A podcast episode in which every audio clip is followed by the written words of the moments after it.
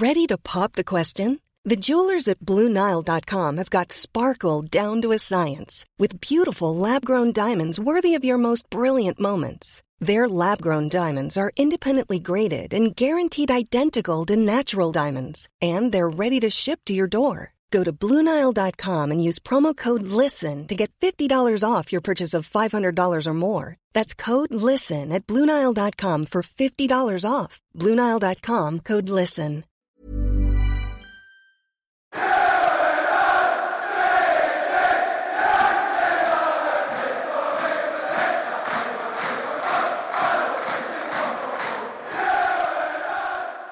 Halo fans kardus semua yang habis merayakan kemenangan eh, dramatis menggunakan Sundela Rocket dari Edison Cavani dan juga kembalinya bocah yang sempat hilang, sempat tenggelam tapi akhirnya beberapa pekan kemarin mulai menunjukkan tajinya kembali uh, aka Mason Greenwood Yoi. dan Gue kira Fred. anjir the headless chicken kalau kata Coach Justin itu. Yoi. Tapi keren loh, kemarin Fred akhirnya cetak gol ke Mourinho yang nggak pernah mainin dia kan. Lo lihat lihat foto terakhirnya gak sih? Yang Jose, Ole, Lindelof sama Shaw aja tuh lucu Iya banget. itu bro. gue lihat, gue lihat, itu, lihat lah. itu itu pas banget ya itu maksudnya itu organik loh terjadinya gitu loh nggak yang. Nggak Dia yang tuh ada ada beneran pas di siarannya loh gitu dan gue bener-bener udah ngeliat itu dulu Iya. kan, iya kan? Ada. Itu gold banget sih. Gold banget itu. itu tuh kayak memang kemarin tuh uh, beberapa pemain MU yang gue lihat ya let's say kayak Luke Shaw, Fred, Pogba, Greenwood turut out juga itu kayak bener-bener menunjukkan kayak lu tuh salah gitu loh pelatih gua saat itu Hmm. gitu dan ini gue buktiin kenapa lu salah gitu gue gue gue ngerasa kayak gitu kemarin ya mhm. Iya, Personal banget sih kayaknya buat mereka ya. Apalagi kan sebelumnya dibantai kan kita bro 6-1. iya sih bener sih there's something to prove gitu loh dan game kemarin emang keren banget sih gitu. Apalagi babak kedua one of the best sih menurut gua. paham Hmm. paham Kalau babak babak Hmm. pertama, gua gua nggak nonton sih babak pertama, gua skip dan gua kalau ngeliat statistiknya shootnya itu di luar gol yang dianulir ya, itu cuma satu gitu. Jadi sebenarnya agak bapuk ya kayak babak pertama ya. Iya, kayak tipikal Jose gitu, bro. Jadi ketika Hmm. dia udah unggul, dia akan mencoba untuk bertahan kan. Selama iya, ini iya. kan problemnya di situ. Gue lihat di Twitter juga fans Spurs juga membahas hal yang sama gitu. Kenapa ketika tim mereka unggul, mereka malah masukin DM gitu. Se- Sementara tim musuhnya udah masukin attack attacking player, Jose malah masukin center back gitu atau masukin defensive midfielder gitu. Ya begitulah Jose Mourinho. Iya emang tipikalnya dia emang dan dari dulu kan bahkan yang paling dikritisi kan ya pas dia pas Inter lawan Inter lawan siapa tuh yang waktu di semifinal ya Barcelona. yang Barcelona itu kan Hmm. itu salah satu puncak bagaimana ke old apa ya ke ke ke konvensionalan Jose Mourinho dalam memaknai kemenangan gitu loh. dan menurut gua masalahnya adalah untuk saat ini era era ada bola yang sekarang itu jauh lebih dinamis gitu lo nggak bisa kemudian menyamakan era dulu sama sekarang gitu ya dulu mungkin Hmm. it works but now ya strategi change kan gitu kan. Kayak let's say dulu pasti pakai 4-4-2 gitu kan. Sekarang udah udah pindah ke 4-2-3-1 3-4-3 yang mungkin itu akan dan masih banyak turunan-turunannya ya. Eh, Hmm, itu yang mungkin akan berpengaruh pada taktikal juga sih. Dan tuh memang menurut gua Mourinho salah satu orang yang perlu di blame sih atas kesalahan sekarang ya. Iya, betul. Iya, iya. Dan pem- pem- pemain-pemainnya kan juga beda banget bro. Apa dekade sekarang sama dekade yang dulu gitu. Hmm. Cuman-cuman dulu pemain-pemain Mourinho tipikal yang kayak keras leadership gitu. Tapi satu hal yang beda sekarang adalah uh, pemain sekarang tuh tumbuh dengan sosial media gitu kan. Jadi kayak bisa bisa ngeliat gitu. Sekarang misal habis match lo lihat Twitter gitu. Wah anjir manajer gue dikata-katain nih Tapi ya sih bener juga sih anjir Jadi gimana ya Hasilnya kan ada Ada perasaan seperti itu kan pasti Jadi kayak nggak bisa nggak bisa 100% uh, playing for the manager gitu lah apalagi ketika ke- timnya kalah malah mereka yang diserang gitu. They throw it under the bus gitu. Apalagi si Jose kan bisa gitu kan. Apalagi Iya, waktu di MU kemarin juga gitu. Berapa kali dia ngatain Lindelof ngatain Luke Shaw gitu kan. Eh, eh, eh. Ya, ya, ya. Tapi ngomongin Jose Mourinho ya, eh, kemarin juga kita pasti ngeliat lah ya sama-sama di Twitter gimana cara dia bereaksi terhadap match gitu. Salah satu yang menarik itu adalah dia berkomentar tentang harusnya tuh MU kartu merah di babak pertama karena Oh, si iya. Paul Pogba itu nyikut Serge Aurier gitu. Gua nggak Iya. nonton, tapi menurut kalian gimana itu seharusnya in objektif uh, pandang uh, apa way ya gitu ya. Itu harusnya gimana sih? Hmm, bro lagi BS. Gua gua gua jujur nggak terlalu tahu detail ya bahkan mm -hmm. Yang akhirnya yang apa ya yang mau yang mau itu bilang tuh di bagian mana karena kemarin itu jujur highlight itu ketutup sama McTominay dan Sun kemarin gitu loh. Iya bener. Iya kan? Hmm, itu ya. Iya. hmm. Eh, jadi gue nggak tahu ya bagaimana Sergio Aguero kena yeah, kena yeah, yeah, segala macam sih. Tapi yang lucu ini sebenarnya ketika kan akhirnya kan oleh sama uh, siapa Jose kan adu-adu ini kan adu verbal apa argumen kan. Nah terus dibales tuh sama Noah Soldier anaknya. Hmm, Oleh dia bilang kayak ya, ini adalah kayak dia tuh malah mempertanyakan kenapa Mourinho mengatakan seperti itu gitu. Karena dia kan bicara Son. Son itu kan dia kayak anak laki-laki. Jadi gue gak tahu ya reference Son itu apakah Son Hyung atau Son yang anak laki-laki. Gitu. Iya, iya, anak kayak anak kayak Ole tuh akan bicara juga masalah ini. Jadi menurut gue eh, itu lucu sih itu lucu sih. Lucu lucu lucu lucu lucu lucu oke oke. Nah itu kan drama ya di off the field gitu kan. Nah gue pengen bahas terkait dengan uh, pertama babak kedua gitu. Karena kalau lu lihat dari match reaction post yang diunggah sama YouTube-nya MU di setelah saat berapa jam uh, match berakhir tuh kan ininya McTominay tuh bilang sendiri kayak kita tuh sebenarnya down gitu. Dan menjelang di babak uh, pertama selesai itu kayak kita udah hampir kayak lost hope karena kayak itu harusnya gol gitu. But somehow itu di diselawat gitu kan. Dan akhirnya di ruang ganti ya somehow kayak terjadi apa namanya perubahan energi dan segala segala macam. Dan kemudian muncullah angka 31 gitu kan. Nah, menurut lu kenapa akhirnya MU akhirnya bisa bounce back? Itu emang pure karena memang Mourinho main bertahan atau memang dari MU-nya kemudian merubah taktik permainan untuk kemudian bisa untuk ejal dengan uh, melawan tim kayak uh, Spurs di babak kedua, uh, Vin? Hmm. hmm, buat gue dari dua sisi iya gitu kan. Kalau dari sisi MU-nya, gue melihat MU ada eagerness lebih gitu loh untuk mau menyerang Spurs lebih gitu kan karena banyak faktor gitu kan. Satu pernah dibantai 6-1, kedua karena disallowed goal gitu kan. Jadi pasti pemain marah gitu kan. Ketiga juga ya kemampuan oleh sebagai pelatih yang punya kemampuan man, man manajemen yang baik gitu kan. Kalau kita ingat McTominay apa komentar itu kan di akhir pertandingan ya oleh bilang stay calm gitu kan gitu. Jadi pada akhirnya di sini gue percaya bahwa MB ini udah udah benar sebenarnya mainnya gitu. Tinggal gimana pada akhirnya eksekusinya bisa berjalan dengan baik gitu dan ya bagusnya juga eksekusinya bagus gitu kan sampai bisa golin tiga gue juga kayak wah lumayan juga nih gitu kan Greenwood bisa sampai apa satu gol satu assist kayak gitu nah di satu sisi Spurs juga gaya mainnya menambah chance MU untuk bisa pada RM cetak 2 sampai 3 gol gitu. Jadi kalau kalau kita perhatiin lagi itu Spurs itu mainnya nggak jelas gitu. Dia bertahan ya kan, mainnya reaktif tapi nggak ngepres juga gitu loh. Jadi pada akhirnya MU itu benar-benar luasa untuk pada akhirnya bisa ngasih forward pass. Fred gitu kan yang mungkin kita sering marah-marah, wah Fred nggak bisa passing. Kemarin tuh enak banget passing ke depan gitu loh. Jadi low blocknya benar-benar low block tapi no pressing gitu. Kayak nggak niat bertahannya.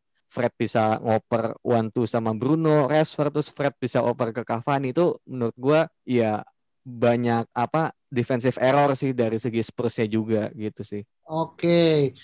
Oke, okay, yeah. itu dari sudut pandang formasi gitu. Nah, sudut pandang pemain nih, ketika akhirnya Greenwood masuk kan, gue lupa dia ganti siapa kemarin ya? Rashford. Rashford, oh iya di Rashford. Nah, hmm. menurut lu itu memang lebih kepada tactical change atau memang ada masalah fatigue atau cedera dari dari dari lu, uh, Menurut gue sih tactical change ya. Dalam artian uh, Rashford itu emang emang beberapa match terakhir kan sering bilang kayak uh, this player tuh kayak when when injury away nih tuh apa namanya to being a Michael Owen gitu. Yeah, Karena yeah. saking saking seringnya dimainin sama Ole kan. Tapi uh, satu hal yang yang perlu kita kasih kredit ke Ole adalah gimana caranya dia memanage uh, player selama satu musim ini yang kemarin gue lihat uh, MU tuh tim terbanyak yang memainkan pertandingan kalau nggak salah sekitar 65 atau 66 tanpa ada cedera serius bro. Hmm, Dalam artian iya. adalah uh, kalau tadi gue sempat baca artikel ya. Jadi perbedaan zaman Jose sama Ole adalah di Jose, zaman Jose ini ada satu bagian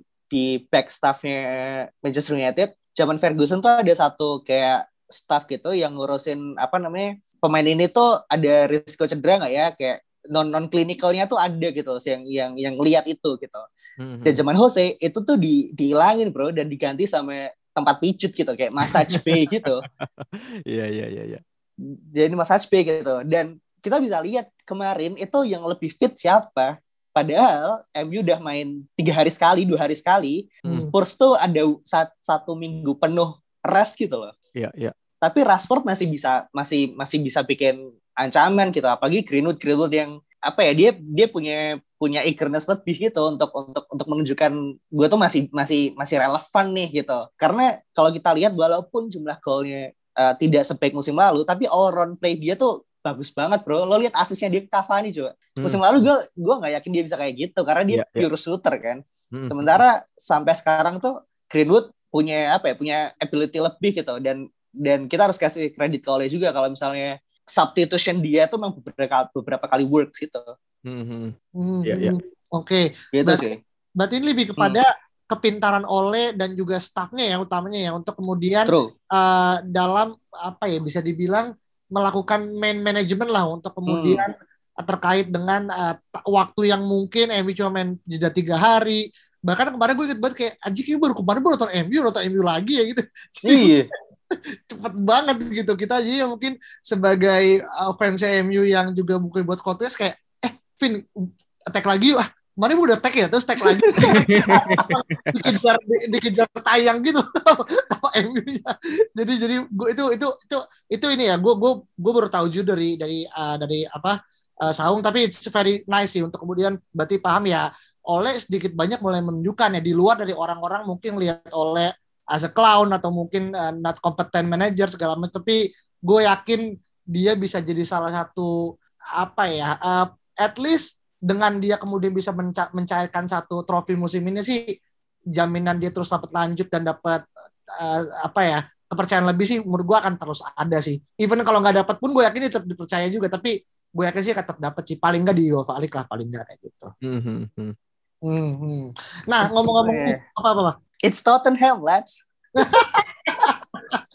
anjing ini ini nada merendahkan atau nada yang na- nada yang apa nih um Biasa lah ya kan kita, kita Iya biasa lah dari Eh, zaman biasa dari zaman Fergie Iya kan kan? udah gitu kan. Heeh. Di- kita berapa kali comeback sama Spurs ya sih? Yoi, heeh. Cuman Ya. Beckham ada, cuman eh, Ronaldo ada gitu. Dan Dua kemarin gue nol. lihat Iya, 2-0 jadi 5-2 kan dulu zaman Berbatov. Iya, zaman Zaman- Beckham sampai zaman Beckham 3-0. Oh iya jadi 3-0 5-3 ya. Hmm. Dan Iya. dan eh, apa eh, apa tim talknya oleh waktu halftime itu yang gue lihat uh, McTominay bilang waktu post match itu adalah keep calm. Hmm, bisa iya, nih kita iya. bisa nih gitu. Keep calm. Keep calm bro. Udah kayak quote-quote zaman dulu ya, keep calm Iya, ini ya. iya. ya meme meme itu kan cuman BBM itu ya. Oke oke oke.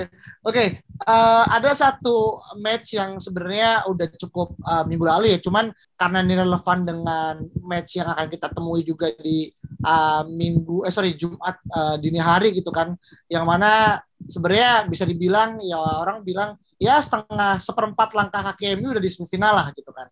Ya meskipun gue juga merasa ya kita nggak nggak boleh terlalu underestimate ya karena kan somehow ya Granada mungkin punya efek kejut yang gue nggak tahu tuh mungkin bisa ngebuat kayak pas zaman siapa sih yang tahun berapa ya Ung ya sama Vin yang Kenapa tuh? Pra Romero itu MU hampir kejebolan di menit akhir itu juga Oh. ini Celta. Celta Vigo. Celta Kayaknya. Vigo. Vigo, iya itu Hmm. Gue inget yang nendang itu pemain pinjaman dari City. Aduh, Guidetti pokoknya kayak oh iya gitu. benar benar Guidetti, Guidetti, anjir. Eh, Gila. anjir. Iya, iya, iya, iya. itu itu benar itu cuma ya all eh Mo kan yang mau Mourinho, Mourinho. Zaman Mourinho. Europa League semifinal itu. Iya iya iya. Nah itu yang gue takutin uh, dari tim Spanyol tuh kadang unexpected result uh, will come apa after all gitu kan. Tapi ya semoga nggak terjadi gitu kan. Mhm. Nah, apa key highlight yang kemudian dari Saung nih lu tangkap dari permainan MU yang tiba-tiba gue udah menit 85 anjing 1-0 eh tiba-tiba 89 tiba-tiba 2-0 gitu kan. Apa yang lu singkari Un dari lu pribadi Un dari match kemarin Un? Um, dari match Granada kemarin gue sempat deg-degan sih karena karena Granada tuh kayak nggak main bola ya. kayak Kayak main rugby ya.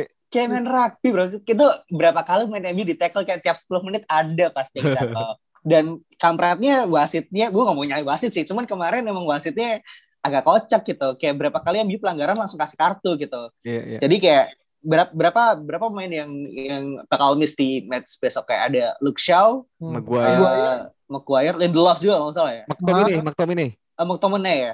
Iya. Itu kan pemain kunci semua Iya, gitu loh. Hmm. Dan kayak gue gue yakin wasitnya pun itu tahu yang mana yang udah punya kartu gitu kan. Jadi kayak ah, anjir untungnya untungnya eh, Ole ini berhasil membangun tim yang yang apa ya yang yang nggak mau untuk give up gitu loh. 28 points from losing position man this season. Itu itu terbanyak di 5 5 liga Eropa. Asik. Itu itu gila sih. Mungkin banyak banyak orang apa banyak manajer yang bisa kayak uh, win win apa panjang gitu kan kayak misal uh, siapa namanya Guardiola Guardiola itu luar biasa sih gitu. Cuman untuk tim yang kebobol terus selalu bisa comeback setiap minggunya dan akhirnya berhasil nge, nge apa namanya menjaga uh, satu kosong gitu kan yang beberapa take lalu kayak kita sempat bahas ayo, dong gimana sih MU uh, ca- caranya nge- nge-close game-nya tuh loh gimana sih gitu dan akhirnya kita bisa lihat itu apa namanya terjadi gitu di match-match terakhir ini dan gue gue bersyukur sih karena dua kosong ini vital vital banget gitu untuk untuk langkah kita di Europa League. Oke, oke. Itu itu berarti lu melihat bahwasanya uh, ada kemajuan signifikan ya yang kemudian tunjukkan sama players dan juga coaching staff yang itu terbukti dari result kita beberapa minggu terakhir itu ya at least menunjukkan tren positif lah ya. Gue nggak ngomong kita akan terus menang, gue nggak yakin. Cuman paling Iya. enggak eh, apa namanya titel 21 masih kebuka nggak dikira-kira nih buat Alvin ini Vin? Eh, gua gimana ya? Gue sebenarnya City kemarin- cuma butuh kalah tiga kali kan? Iya. Kayak City masih udah lawan Chelsea kayaknya ya. Gue Apa apa enggak gitu. Tapi intinya adalah sebenarnya kan kalau MU menang sekali lagi nih ya, terus ny- nyamain eh, jumlah gamenya City yaitu 32, itu kan selisihnya 8 gitu. 8 sebenarnya nggak ya nggak lagi jauh-jauh banget lah, masih mungkin kita juga dulu MU kayak 8 poin juga dikejar juga sama City kan Hmm. kayak tetap apa ya kalau kata Bruno itu selama secara matematis belum berakhir ya akan terus berjuang dan menurut gue itu udah sebuah spirit yang benar gitu jadi ya meskipun sulit gitu tapi tetap harus dikejar terus dan kita masih ada match lawan Liverpool di Old Trafford itu lebih dari sekedar tiga poin menurut gue I see. Nih, masih ketemu Liverpool gitu ya. Mm-mm. Iya. Hmm. Langsung it just Liverpool enggak gitu nggak Om?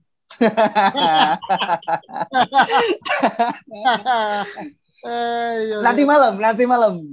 Apa It's just Liverpool. Kan Just Real Madrid kan. Oh, ini, ini kita take malam Liga Champions ya. bener. Real Madrid ketemu Liverpool ya. Iya, kalah Kalau lawan na- Liverpool lihat aja nggak akan Iya. lolos dia Nah oke eh, untuk eh, apa minggu ini eh, leg kedua gue yakin oleh bakal melakukan rotasi ya apalagi dengan tahu eh, timnya beberapa ada yang akumulasi kartu kan dan gue yakin beberapa nama-nama mulai dipersiapkan dan paling enggak ya dari yang gue baca tuh kayak Will Fish terus juga Anthony Elanga itu udah masuk jadi iya kan? Eh, udah Iya, iya, udah namanya Will Fish sih bener sih. eh, apa di first squad. Gue gue nggak tahu dia bakal main atau enggak cuman paling enggak entah itu gimmick juga ya buat Oleh itu kemudian promising apa mempromosikan anak muda tapi at least Oleh juga mungkin paham kali ya mungkin chance sekarang gitu kan.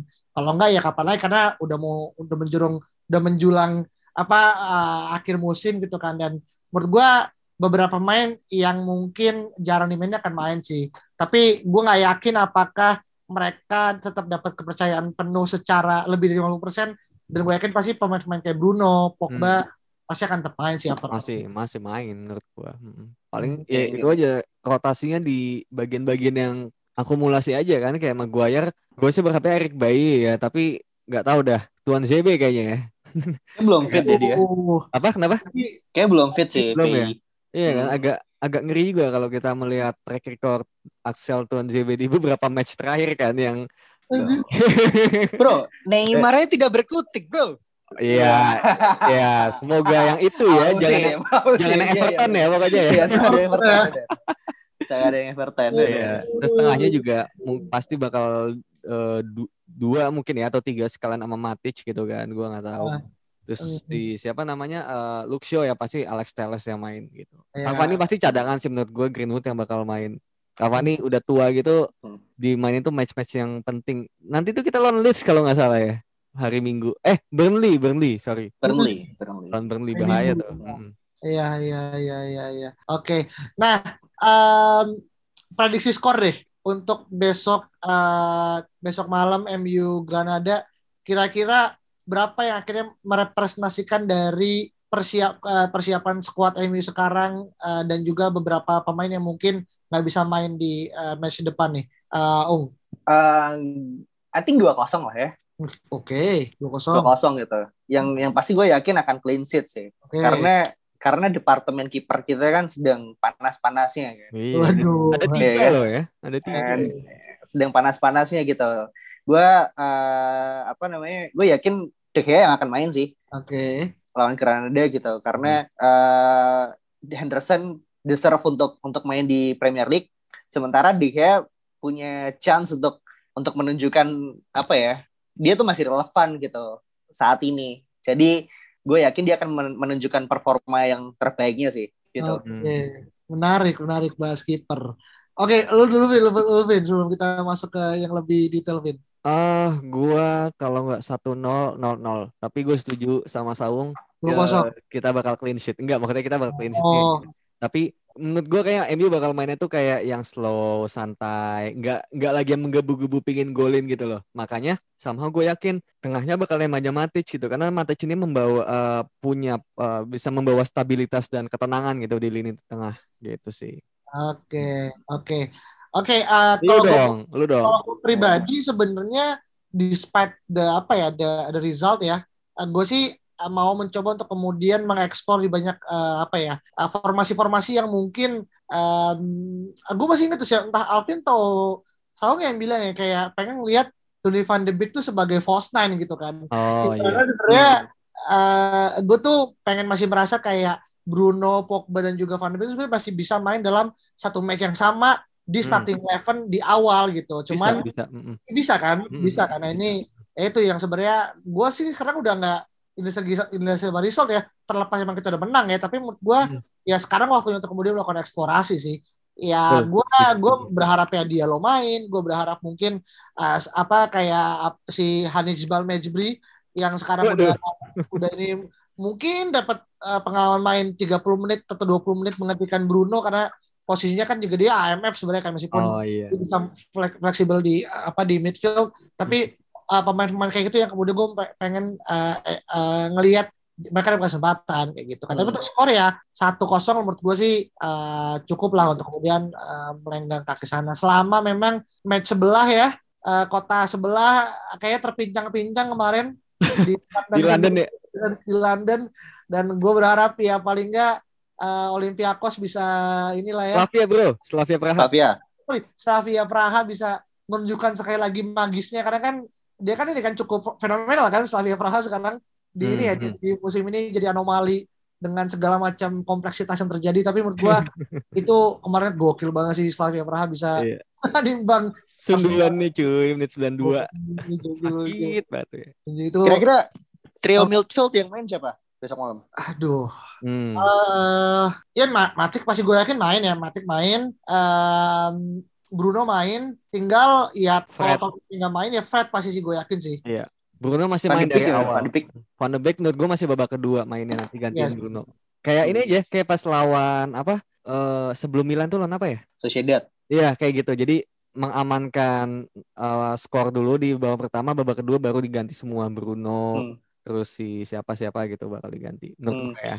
Gue sih gue sih kepengen Juan Mata main sih bro. Oh iya benar Hmm. benar. Juan Mata aduh. Beek dua-duanya langsung ya. Iya, Juan Mata main karena apa? Karena eh, mengingat Granada kan ketinggalan nih dua gol kan. Dia pasti akan main lebih lebih apa? Lebih ngepres gitu ke defensive line kita kan. Jadi kayak dia pasti akan meninggalkan defensive line-nya tuh pasti dia akan main lebih tinggi gitu. Sementara Hmm. Mata kan passingnya behind the line-nya oke gitu. Hmm, Itu mungkin bisa bisa dimanfaatkan sih. bisa bisa. Iya. Meskipun secara counter attack mungkin jadi lambat kali ya. Tinggal Kita tambah Diallo atau Betul. Ben James enak tuh kayak buat lari-lari doang tuh. Iya makanya. Tapi Giroud kalau- jadi striker. tapi kalau masukin mata gitu kan berarti ditaruh kalau misalkan lu bilang kayak masukin James atau Diallo ya berarti kan at least eh Ra- Rashford menurut lu Rashford bakal main apa enggak besok Jangan, jangan cadangin Iya. menurut gua. Ya, Hmm. ya. Buat gue, buat gue kemarin ditarik tuh ada sedikit ini, nggak cuma taktikal tapi ada fatigue juga kan. Kan dia habis cedera tuh kalau nggak salah. Ya, iya. Nah, kayak Hmm. menurut gue kayak ada ada dia belum belum 100% fit jadi masih apa ditarik-tarik gitu kan babak kedua diganti Greenwood lah diganti siapa jadi di sini menurut gue momennya di mana Rashford jangan main gitu makanya depannya Greenwood kirinya James kalau fit kanannya barulah Van de Beek atau si Juan Mata atau Diallo gitu sih Oke, oke. Iya, em, ya kita sama-sama berharap ya, maksudnya terlepas berapa skornya segala macam, eh, satu langkah kaki udah masuk ke semifinal dan ya siapa pun lawannya ya, mau nanti lawannya ya ya harapannya sih lawannya mungkin bisa mempermudah jalan supaya MU juga akhirnya bisa fokus me- apa ya meningkat apa memperkuat peringkat dua ya terlepas mungkin adanya teori-teori konspirasi juara satu tuh mungkin masih ada tapi menurut gue terlalu jauh lah kita bahas ke sana gitu Hmm. karena kita mengulang apa yang terjadi tahun 2012-13 tapi bedanya kita jadi City yang tahun lalu itu mungkin beda cerita ya tiba-tiba kepleset City dua kali Iya. tapi ya will see lah minggu akhir pekan ini City bakal dapat hasil gimana gitu. Ya mungkin itu aja eh, dari eh, kita dari eh, GGMU dan semoga apa yang teman-teman dengar bisa memberikan manfaat dan sampai jumpa di pertemuan berikutnya. Dadah.